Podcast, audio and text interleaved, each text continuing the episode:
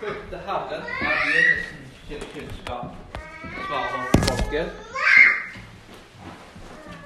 Visdom og tukt blir foraktet av dårer.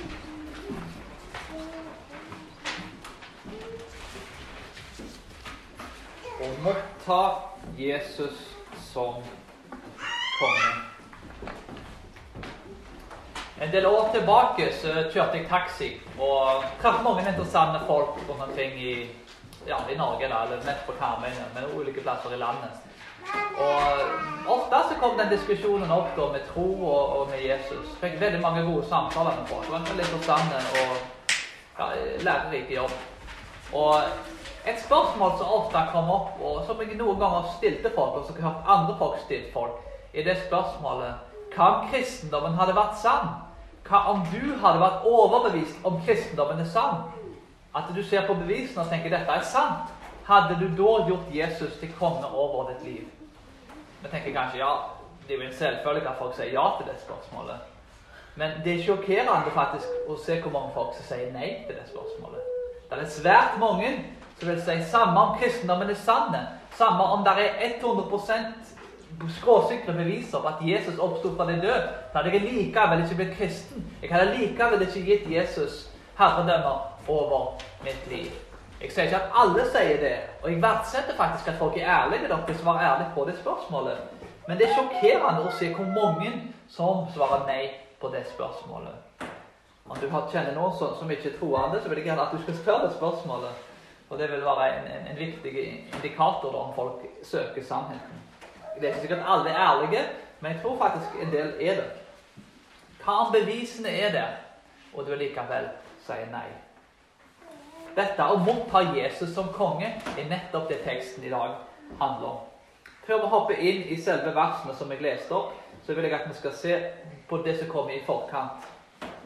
Vi ser før vers 12 at Maria salver Jesus, mens hans egne disipler advarer mot å sløse denne dyre parfymen. En kvinne med lav status i denne kulturen. Kvinner hadde veldig lav status i Romerriket. Jesus kunne hatt en Cæsar, han kunne hatt en konge, hatt en hersker, en, en mektig profet til å være med og salve ham. Men det var en kvinne med lav status som var med å salve Jesus med parfymen.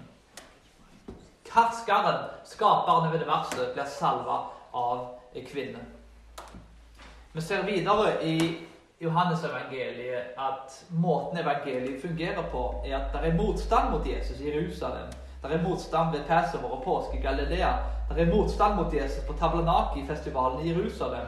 Motstanden ved festivalen kommer til overgivelsen. Vi ser motstand mot Jesus ved Bethany, og vi ser motstand mot Jesus i Jerusalem. Så det er motstand mot Jesus. Det er to responser til Jesus. Noen vil ha Jesus som konge, men det er òg en god del folk som, som, har motstand mot ham. De liker ikke at denne fyren kommer inn og gjør ting som de ikke liker. I vers 9-11, før vi begynner i vers 12, her, står at store folkemengder med jøder Mange av dem som hadde kommet til tro, og mange som hadde sett Lasarus bli oppreist fra det døde. Og du tenker kanskje Lasarus ble oppreist fra det døde. Øverste presten, denne hellige fyren, han burde jo hoppet i taket. Dette kan dette være Messias. Hva gjør han? Lasarus, som er død, som, som familien hans eh, har, har det forferdelig. Denne mannen er død. Han er blitt oppreist fra det døde. For et fantastiske ting som har skjedd. Du tenker at dette blir en flott ting. Hva vil de gjøre med Lasarus? De vil drepe ham igjen. De vil drepe Lasarus, som ble oppreist fra det døde. Presten, mannen som representerer folket, vil drepe Lasarus etter Jesus har oppreist ham fra den døde. Hvorfor? Fordi mange trodde på Jesus. Lasarus var et levende bevis på at Jesus snakket sant. Så De ville nærmest litt sånn, sånn på filmer at de, de kom inn, eh, FBI og det korrupt politi og sånn, og så slekter de alle bevisene. Rensker rom, vasker rom og sørger for at det ikke er noen beviser på hva som egentlig har skjedd. Sannheten må lukes vekk, fordi det er ikke alltid så behagelig. Sånn er mennesket øverstepresten, lederen av tempelet. Eh, det var ofte folk som jobba i lag med romerne. da. Israel var kolonisert på denne tida. Og dette var jo folk som i stor grad skulle være de som var mest begeistra for at Jesus kom. Mannen som representerte Gud og representerte det jødiske folket, altså, han, responderer på en måte som er nesten helt uforståelig. Han vil drepe Lasarus. Han vil drepe Lasarus, og Jesus reiser opp fra de døde. Men heldigvis så ble ikke Lasarus drept. For det var en annen sønn som skulle bli drept istedenfor Lasarus for menneskets synder. Og det er denne kongesønnen som vi skal se på i dag. Og han kommer ridende inn på et esel i Jerusalem. Og Det er tre ting som vi skal se på relatert til å motta Jesus som konge. Nummer én den vanlige mannen mottar Jesus som konge, vers 12-15. Nummer to disiplene til Jesus mottar han som konge, vers 16. Nummer tre den religiøse fariseeren mottar ikke Jesus som konge. Vanlige mannen mottar Jesus. Disiplene mottar han etter hvert etter det forherliggjort. Og fariseeren, den mest skriftlærde, mottar ikke Jesus. Det er ikke tilfeldig at du ser den rekkefølgen i teksten. Nummer 1. Den vanlige mannen mottar Jesus som konge. Vers 12-15. I vers 12-13 så står det Dagen etter fikk den store folkemengden som var kommet til høytiden, høre at Jesus var på vei til Jerusalem. Da tok de palmegreiner og gikk inn for å møte ham, og de ropte Hosianna, velsignet være Han som kommer inn i Herrens navn, Israels konge. Den store folkemengden var sannsynligvis folk i da fra eh, på Passover, altså påskefestivalen, da, som, som vi oversetter det som. De hadde hørt at Jesus gjorde mirakler, at han kom inn til Jerusalem. Og de skriftlærde mista følgere. De var ikke de, mest, de kuleste folkene i klubben lenger. Plutselig var Jesus begynt å komme inn, og han tok noen av følgerne. Mange begynte å følge Jesus, for de så miraklene og de tingene som han sa, at det var sant. Palmegreiner ble brukt på det som ble kalt The Feast of Tabernacle. Sukkot ble det på, på norsk. Uh, var, de, de brakte da ifra Jeriko. Og disse greinene var blitt et nasjonalistisk symbol uh, på Judea siden dagene da. Den makabenske Makabien revolt, altså den opprøret da fra Makabien, som var et opprør der de frigjør, ville frigjøre seg sjøl fra kolonisering. Så det var en militær seier som de feira. Og det ble et sånn nasjonalistisk håp at kanskje vi kan frigjøre oss fra dette åket alle disse kolonistene som kommer og tar oss. Syria, Babylon, og romerne og Persia. og Endelig så skal det være en frihet som kommer inn her. Og dette da, denne palmefestivalen da, ble jo et messiansk håp. At Gud var med i Hosianna, som betyr da Eller egentlig et rop om at ber at Gud skal redde oss. Det er et rop om frelse fra Gud, at han skal redde sitt folk. Det er svært viktig å huske på her i forkant at Israel hadde mye intern krigføring, åpenbart, med Nord-, og Sør-Israel som ble delt. Du har, De ble tatt av Babylon i eksil. Uh, Assyria tok Nord-Israel 2022. 586 ble de tatt av Babylon. Uh, de var under Persia, de var under, under romerne. Så Israel hadde vært kolonisert pga. Av avgudsdyrkelse i svært lang tid. Men midt oppi dette her da, så kommer vi til Malakai, og det er da et, et slags profetisk håp da, mot slutten. Dette ser du egentlig i den hele Bibelen. Det har vært 400 år med stillhet. Det har ikke skjedd noe på 400 år. Det har ikke vært noen profeter på 400 år. Hva hadde du gjort hvis det hadde vært 400 år med stillhet fra Gud? Det er en alvorlig ting. Men midt oppi denne stillheten etter 400 år, så er det et rop i ørkenen. En profet som heter døperen Johannes, som, som kan dette være Messias. Kan dette være en profet som vi peker på Messias? Mange lurte på om denne døperen, Johannes, kanskje dette kunne være det de har venta på i 400 år. Håpet livna nok til når de så Lasarus' fysiske oppstandelse. For vet du at døperen Johannes ble drept. Og kanskje nå mista litt av håpet. Nå ser de en mann bli fysisk oppreist fra de døde. Dette er ikke noe som skjer hver dag. Kan dette være Messias de har venta på? håp og troen at endelig så skal Jesus komme ned med jernstaven og knuse romerne. Og nå kan vi sitte ved siden av ham og herske på jorden. Dette profetiske håpet som vi ser helt i 1. Mosebok kapittel 3, 15, at Messias skal komme. Det er et håp og et løfte om Messias. Gjennom hele Bibelen så ser vi dette løftet. Palmetreet var blitt til et, et nasjonalt symbol på en del av disse tingene. Og ord på den andre tempeljødedommen, der tempelet ble gjenoppbygd etter de kom fra eksil i Babylon. Eh, tempelet ble gjenoppbygd rundt 24-416 før Kristus. Så dette var ting som de hadde venta på, og de levde med dette håpet. Velsignet være Han som er kommet inn i Herrens hus, Israels konge. Dette er fra Salme 118,26, som er en kongelig salme som ble sunget på høstens festivaler. Det handler om det kongelige styret der kongen var omringa. Det er jo et David som her er omringa av fiendene sine. Og at endelig skal Gud frigjøre han midt oppi dette der omringa fiende. Det er ikke noen sjanse for å komme seg løs fra dette her, men Gud kan frigjøre han. Matteus 21, 42, så henviser han til Salme 118, og da sier Jesus til dem har dere aldri lest i Skriftene? Steinen som bygningsmennene forkastet, den er blitt en hjørnestein. Av Herren er dette gjort, og underfullt er det for våre øyne. Hjørnesteinen, denne steinen her, er blitt steinen som alt skal bygges på. Det er jo en henvisning, en profetiske salme som vi peker på Jesus. Jesus er hjørnesteinen som dette blir vist til. Og Det er svært viktig at den jødiske kulturen var en kunnskapskultur. Mange folk hadde hørt og forsto noen av disse tingene. Jesus Kristus blir mottatt som en konge av folket, mens de skriftlærde avviser ham. Den vanlige mannen som kanskje ikke kunne lese og skrive Noen kunne sikkert det, men andre kunne det kanskje ikke. Dette var ikke en tid der alle kunne lese og skrive sånn som det er i dag. Den vanlige mannen skjønte profetiene og valgte å sette Jesus som konge. De trodde Jesus var konge. Og Det er fascinerende å se dette i den teksten. At den mest lærde og kan ofte være den mest blinde. Den mest bibelsprengte kan være den som ser Jesus minst.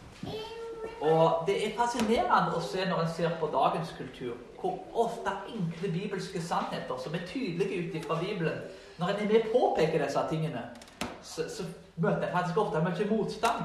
Men kan være noe så enkelt som at menigheter skal være eldste, f.eks. Det er jo Titus brev 1 og, og Timoteus kapittel 3 det er jo en krystallklare ting i Bibelen. Vi kan være uenige kanskje om detaljene akkurat hvordan det skal praktiseres, og sånt, men, men, det er åpenbart at det står der jo. Men husker husker en som sa at han gikk, gikk, til ulike kirker og fikk aldri gjennomslag på dette, til tross for han bare satt og pekte på bibeltekster. Og Det er jo en ting som ikke nødvendigvis trenger å være spesielt kontroversiell i forhold til kirkesamfunn. Alle kirkesamfunn kan praktisere det, uavhengig av hva de tilhører. Men det viser jo at en kan sitte og granske Skriftene og egentlig kanskje ikke se de mest tydelige tingene som står i Skriften. Så jeg må aldri undervurdere denne tiltroen til det enkle, tydelige bibelske budskapet om synd, fordervelse, tro, omvendelse og frelse i Kristus, og andre bibelske sannheter. Av og til så kan en bli så lærd at en, en, faktisk ikke ser de tingene som, som egentlig er ganske enkle å se. En kan bli så ja, bibelsprengt og så, så fokusert på Bibelen at en faktisk ikke ser Jesus ordentlig. Evangeliet er enkelt og tydelig og klart. Det er jo enorme dybder i evangeliet, og vi skal bruke fornuften og hjernen vår til å forstå det. Så det er en balanse her med begge deler. Men det er nettopp det som er tingen. Å finne denne balansen og klare å se det som står så tydelig. Og det gjorde den vanlige mannen her, som innsatte Jesus som konge. Det er fascinerende at de som så Jesus først, var de som hadde, kunne minst om Jesus. Som hadde mest tilgang til ham. Disiplene måtte også Jesus som konge. Men de måtte ha Jesus som konge etter Jesus ble forherliggjort. De folkene som så miraklene, som ble opplært av Jesus. Se for deg sjøl at du hadde sittet under Jesus. Du tenker da måtte du ha som konge med en gang. Men i realiteten så var det ikke sånn. Disiplene det tok de lang tid å forstå og anvende disse tingene. Vers 15-16. Men Jesus fant et ungt esel og satte seg på det, som det står skrevet. Frykt ikke, Sions datter. Se, din konge kommer sittende på en eselfole. Hva er det som gjør at hans egne disipler Ja, de mottok han som konge, heldigvis. Men det tok en del tid for at de gjorde det. De var ikke så raske som den vanlige mannen og vanlige kvinnen i gata. Romerriket er et mektig rike der symbolet på legionen i ørnen. Et rovdyr som flyr lydkjapt ned og, og, kan drepe ganske store byttedyr. Det er imponerende faktisk å se hva ørnen kan klare å ta. Det er et ganske stort dyr. Folk ville forvente at Jesus kom inn på svære vogner, altså på chariots. altså Hvis du har sett en Ben Hur-filmene og sånn. De flotte hestene med svære, sånne flotte vogner. Cæsar rei inn på sånne. Konger, herskere reier på sånne. Skaperen av universet burde jo kommet inn på en fantastisk flott vogn med flere hester. Men han kom inn på et esel. Martin Luther påpekte at denne scenen er helt absurd. Kongen, skaperen av universet, mener Luther, reier rei inn i Jerusalem uten sko på et stakkars esel.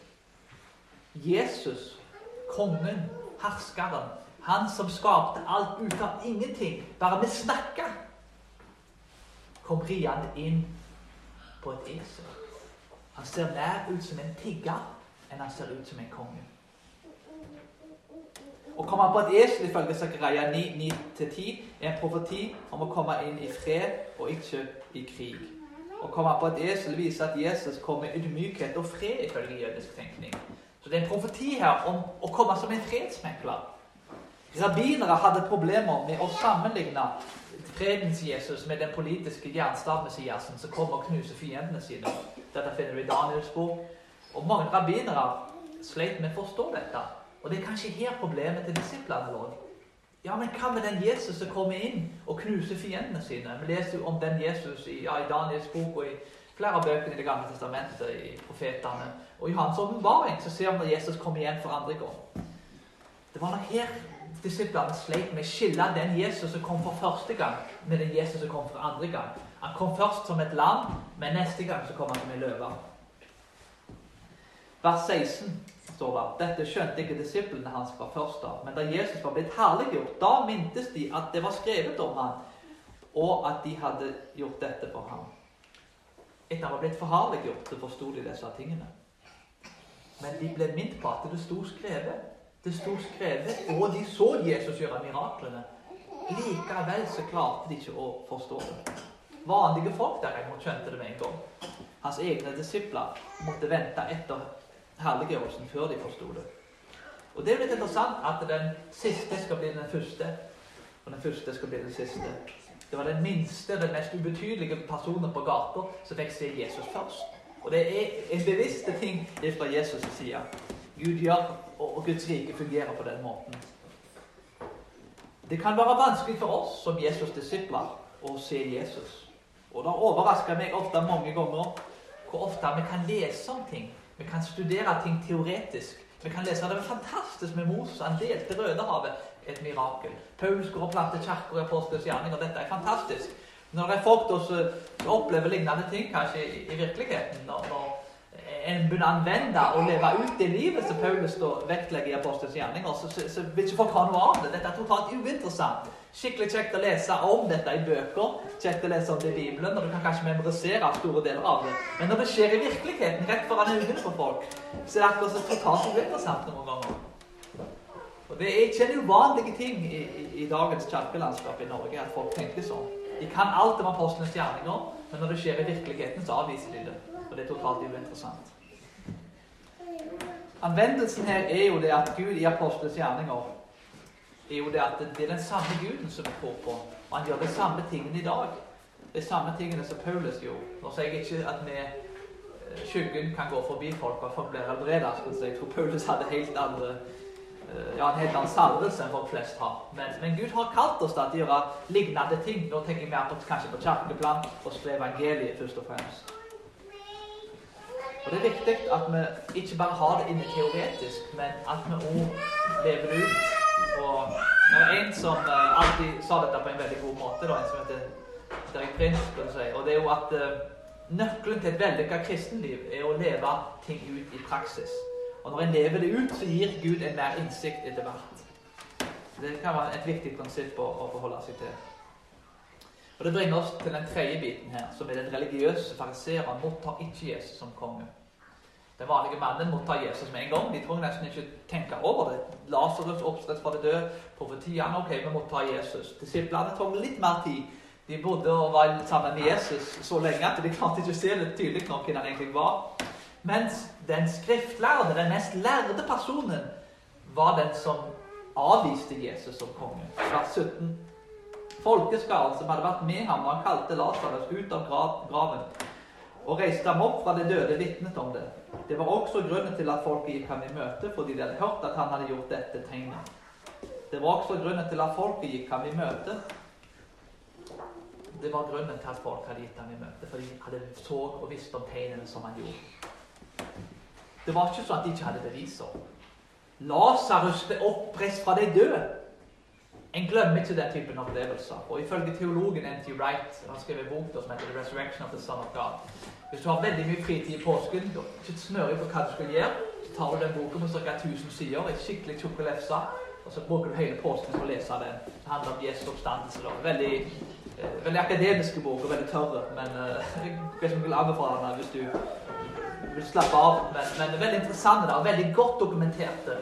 Uh, han er jo en veldig kjent forsker på, Oxford og en, en veldig kjent teolog som, som, er veldig god på akkurat det evnet. da, om dette med Jesu oppstandelse. Og Der argumenterer han grundig ut fra et forskningsperspektiv. Jesus, henvisningen til oppstandelse var en fysisk oppstandelse. Jeg tenker kanskje ja, ja, Jesus var en kul fyr. Ja, Metaforisk sett oppstår han fra det. Og jeg tror på Jesus, samme om det er sant eller ei. Nei, dette er snakk om den historiske, og det er snakk om den fysiske oppstandelse. Jeg skal faktisk legge ut en, en, en podkastserie om Jesus' oppstandelse. Og da snakker jeg altså om den historiske og fysiske oppstandelse. Og Jeg kommer til å gå inn på det til å legge det fram og dokumentere at dette er, det er faktisk fantastisk gode beviser om at Jesus oppsto fra de døde. Men når det er en henvisning her med anti-right, så er det altså en fysisk, historisk oppstandelse. Det betyr enten så er det sant, objektivt og historisk og fysisk sett, eller så er det ikke sant. Dette er ikke snakk om uh, Vi tror på Jesus uansett om det er sant eller ikke. Dette er et spørsmål er det sant eller er det ikke sant. Og det er den typen tro som eksisterer her. Hedningene her, altså romerne og grekerne, trodde ikke det var mulig med en fysisk oppstandelse. Og de visste hva en fysisk oppstandelse var, for klarte å skille facts from fiction, altså fakta fra fiksjon. Det klarte de skille i denne kulturen. Det var noen jøder som trodde på en fysisk oppstandelse. Ikke alle. men en del som ikke trodde på det, men det var også en del som trodde på det. Og det, det er jo ofte en ting der med dette, jo er blinde tro. At ja, ja, men disse folkene fulgte Jesus. Nei, de så en mann bli oppreist fra de døde. Dette med blinde tro er ikke bibelske tro. Det var ingen som står her at vi så ingenting, men vi trodde likevel. Nei, de så en mann bli oppreist fra de døde sammen med oppstandelsen. De så Jesus ble korsfesta, de så at graven var tom. Folk klarte å legge sammen to pluss to. Den troen vi ser i Bibelen, er en tillit. Ingen har tillit til folk eller til ting som det ikke er verdt å ha tillit til. Vi har tillit til folk som har vist med gjerningene sine at de er verdt å ha tillit til. Så dette med blinde tro er ikke noe som jeg finner i Bibelen. Det ordet tro er knytta til dette å ha tillit. Og en, i dette tilfellet hadde en tillit til Jesus, for han så at Jesus reiste opp Lasarus fra de døde. Det var tegnet som gjorde at folk trodde, og ikke noe som var blindt. på noe som måte. Og Jesus går her i tråd med de gammeltestamentlige profetene, der han gjør mirakler. Moses deler Rødehavet, profetene gjør mirakler. Jesus, Jøden ser etter tegn, som vi leste om i Korinterbrevet. Mens grekeren ser etter visdom. For en jøde så måtte det være et tegn på at han var Guds profet. Vi tenker på Moses og vi tenker på mange av profetene som gjør overnaturlige tegn og viser at Gud er med dem. Jesus reiste mann opp fra de døde. Det er ikke det et godt nok bevis, er det ingenting som vil holde. Men for fariseeren så var ikke dette et godt nok bevis. Fariseeren, som står i vers 19, så står det Fariseerne sa seg innimellom. Dere ser at dere ikke oppnår, oppnår noe, se hele verden løper etter ham. Det er en ironi her, for det er fariseeren snakker om seg sjøl. Fariseeren var lokale folk som holdt konservativ jødedom i live. Mens sadukerene og sjefspresten det var vel i større grad folk som var knytta til statsmakten. Eh, det er ikke en perfekt måte å beskrive det på, men vi kan kategorisere disse to tingene som øverstepresten øverste presten og sadikerene var mer som, som dagens statskirke. De var mer som uh, den, den, politiske eliten som var knyttet, eller egentlig religiøse eliten som var knytta opp mot politikken. Dagens statskirke er veldig politiske. Mens fariserene var mer kanskje som lavkirkelige folk på bedehuset, kanskje i større grad, der jeg vokste opp. Jeg sier ikke at det, det i statskirken er som øverste presten, og det er alle bedehus er fariserer. Det er ikke det jeg sier. I så fall så kritiserer jeg meg sjøl. Men jeg sier at hvis vi skal bare forstå disse tingene, så er det eliten som styrte tempelet. Det er folk som er knytta til statsmakten. Mens det lavkirkelige i større grad blir nært som fariserene. Forhåpentligvis da, så er vi ingen av oss som fariserer eller sadikerer. Men det vil kanskje hjelpe oss å forstå dynamikken med ting. Sadukerene og øverstepresten jobber i lag med romerne, og de samarbeider i mye større grad. Så de var regna som uh, judaser i denne kulturen. Dette var folk som kanskje ikke kunne stole på helt. Mens fariserene derimot, de kunne Bibelen. Dette var nasjonale helter. Litt mer nasjonalistiske. Folk hadde litt mer tillit til dem. I det lokale området så var fariserene folk som folk stolte i større grad på. Fariserene hadde Tora og tradisjon. Og i, la, i likhet med katolikkene så la de til ting som du finner i Skriften. De la til ting i Skriften sånn som konservative da noen ganger gjør, og kanskje ganske ofte gjør. Men også som den katolske kirke gjør i, i, mye større grad. Der en da likestiller Bibelens autoritet med det en da finner i tradisjonen. Problemet bare med fariserene var ikke at de, at de fulgte Skriften. Det var det at de ikke fulgte Skriften. I 400 år så hadde det vært stillhet. Og nå var det blitt sånn at eh, nå har vi gjort så mye avgudsdyrkelse i disse tusen årene. Nå har vi mista tempelet, vi har sendt i eksil. Gud har straffet oss. Men denne gangen så skal vi følge loven. Vi skal ikke gjøre den samme feilen igjen. Endelig har vi gjennomført tempelet vårt. Og de neste 400 årene før Jesus kom, så ville jødene oppriktig prøve å følge loven. Og det som skjedde da, var at de gikk ifra å bli avgudsdyrkere, som vi ser i Det gamle testamentet, det svinge helt over og bli ekstremt loviske. Og ironisk nok, da, i et forsøk på å følge Gud, så hadde de glemt ut å gjøre Gud til kongen sin. Det var tragisk at det oppriktige ønsket om å følge loven ledet til at de hadde glemt ut hvem Gud var. 400 år med stillhet, 1000 år med profetier. Og så kommer Gud rett ned foran øynene til folk som kan memorisere Skriftene utenat. Og de avviser han som konge over sitt liv. Det, det, det, det, er nesten absurd å lese om dette i teksten. Hvis en jøde som leser dette, så er det nesten uforståelig. Hvordan kan mannen som kan eh, sitere mye av Det gamle testamentet, ikke se Gud som kommer rett ned foran dem? Det var ikke pga. manglende bevis. Det var ikke derfor de avviste Jesus som kom over deres liv. De drev avgudsdyrkelse, løye nok og merkelig nok, som et resultat av å prøve å slutte å drive avgudsdyrkelse. Men de gikk ifra og kan jeg veldig liberale til bare superkonservative. Og de glemte ut Bibelens budskap i Bibelen. De hadde glemt ut Skriftene. Gud og religion ble et middel til å bygge opp deres egen stolthet. Og vi har alltid en tendens som mennesker til å svinge fra én ekstrem til en annen. Og så glemme ut det som står i Skriften. Jeg husker alltid på bedehuset før historien som gikk der. Det var, det var veldig lovisk. Noen sa at Rosenius var den teologen som berga bedehusbevegelsen, for han kom med en ordentlig teologi. Eh, men, eh, men, i dag så er det mye folk som sier at det er for lite lover og regler. Unge folk i dag sier vi savner sånn som det var før. For det er ikke regler lenger, det er ikke lover. Ingenting er rett og galt. Vi trenger mer lover, som gikk jo fra loviskhet til det er ikke regler i det hele tatt. Og svaret er jo åpenbart å finne en balanse. Jeg sier ikke at jeg har funnet den balansen, men jeg trenger, må aldri strekke oss etter det. I dag så lever vi jo et svært liberalt og svært sekulært samfunn, og det er åpenbart rett til det unge sier i dag, at uh, vi trenger faktisk å konservere og gå tilbake til det bibelske budskapet i mye større grad enn før. Og påpeke at loven er faktisk god. Loven er god hvis den blir brukt til lovlige ting. Men vi ble jo ikke frelst av å følge loven. Det var der fariseerne gikk feil. De trodde de var frelst av å følge loven.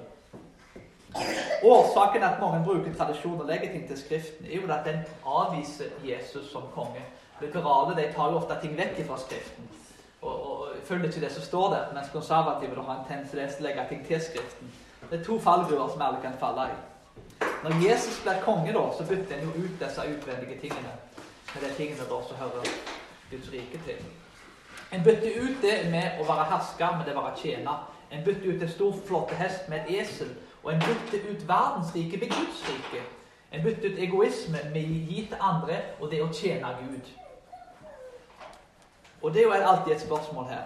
Har vi gitt Jesus herredømme over livene våre? Altså, Jesus, altså en kristen i navnet bare, følger vi bare Jesus i navn? Eller er han konge over hele livet vårt? Det er svært interessant her å se de som kanskje er minst religiøse her, er de som mottar Jesus først. Mens de, som er mest religiøse i denne kulturen, er de som da ikke mottar Jesus som konge. Og vi som er da disipler av Jesus, forhåpentligvis da så er vi jo litt nærmere disiplene og, og den vanlige mannen, men det er verdt å reflektere over det. Hvor enkelt det er å falle inn i disse ekstremene hele veien, og ikke treffe den bibelske balansen. Har vi gitt framtida vår til Jesus, sier vi til Jesus du velger hva jeg skal gjøre i framtida. Jeg vil gå der du går, og jeg vil gå i dine gjerninger, ikke mine gjerninger. Jeg vet For min del så vil jeg planlegge meg og framtid. Veldig planlegge mange år framover. Hva har jeg lyst til å gjøre, og hva vil jeg detaljere ut i livet mitt? Men sannheten er at Gud har en mye bedre og større plan. Jeg kan aldri tro som sagt, at jeg endte opp her til slutt og skulle være med i kirka. Men, men, Gud gjør ting som vi ikke forventer. Da. Og det er ikke pga. meg, men det er pga. ham. Og det er en helt fantastiske ting. Og hvis vi skal gjøre de tingene som Gud kaller oss til, så må vi rett og slett være litt mer som den vanlige mannen og kvinnen i gata her, som mottar Jesus som konge på en enkel måte. Vi må ikke være som fariseeren, der religion og tradisjon blir, ble, brukt for å bygge opp egen stolthet. Å være som den vanlige personen i gata. Det som gjør dette mulig, er Kristus. Og takk og pris for at Lasarus ikke ble drept av øverstepresten og det skriftlærde. Takk for at Jesus tok på seg den straffen som Lasarus skulle hatt, og at Lasarus ble oppreist fra det døde, og at han fikk leve. Takk for at Jesus sto opp, og at han lever, sånn at vi kan få ta del i det livet som Lasarus ble reist opp til. Både i dette og det neste livet. Så la oss reflektere over disse tingene, og la oss gjøre Jesus om til konge i våre liv. Hans.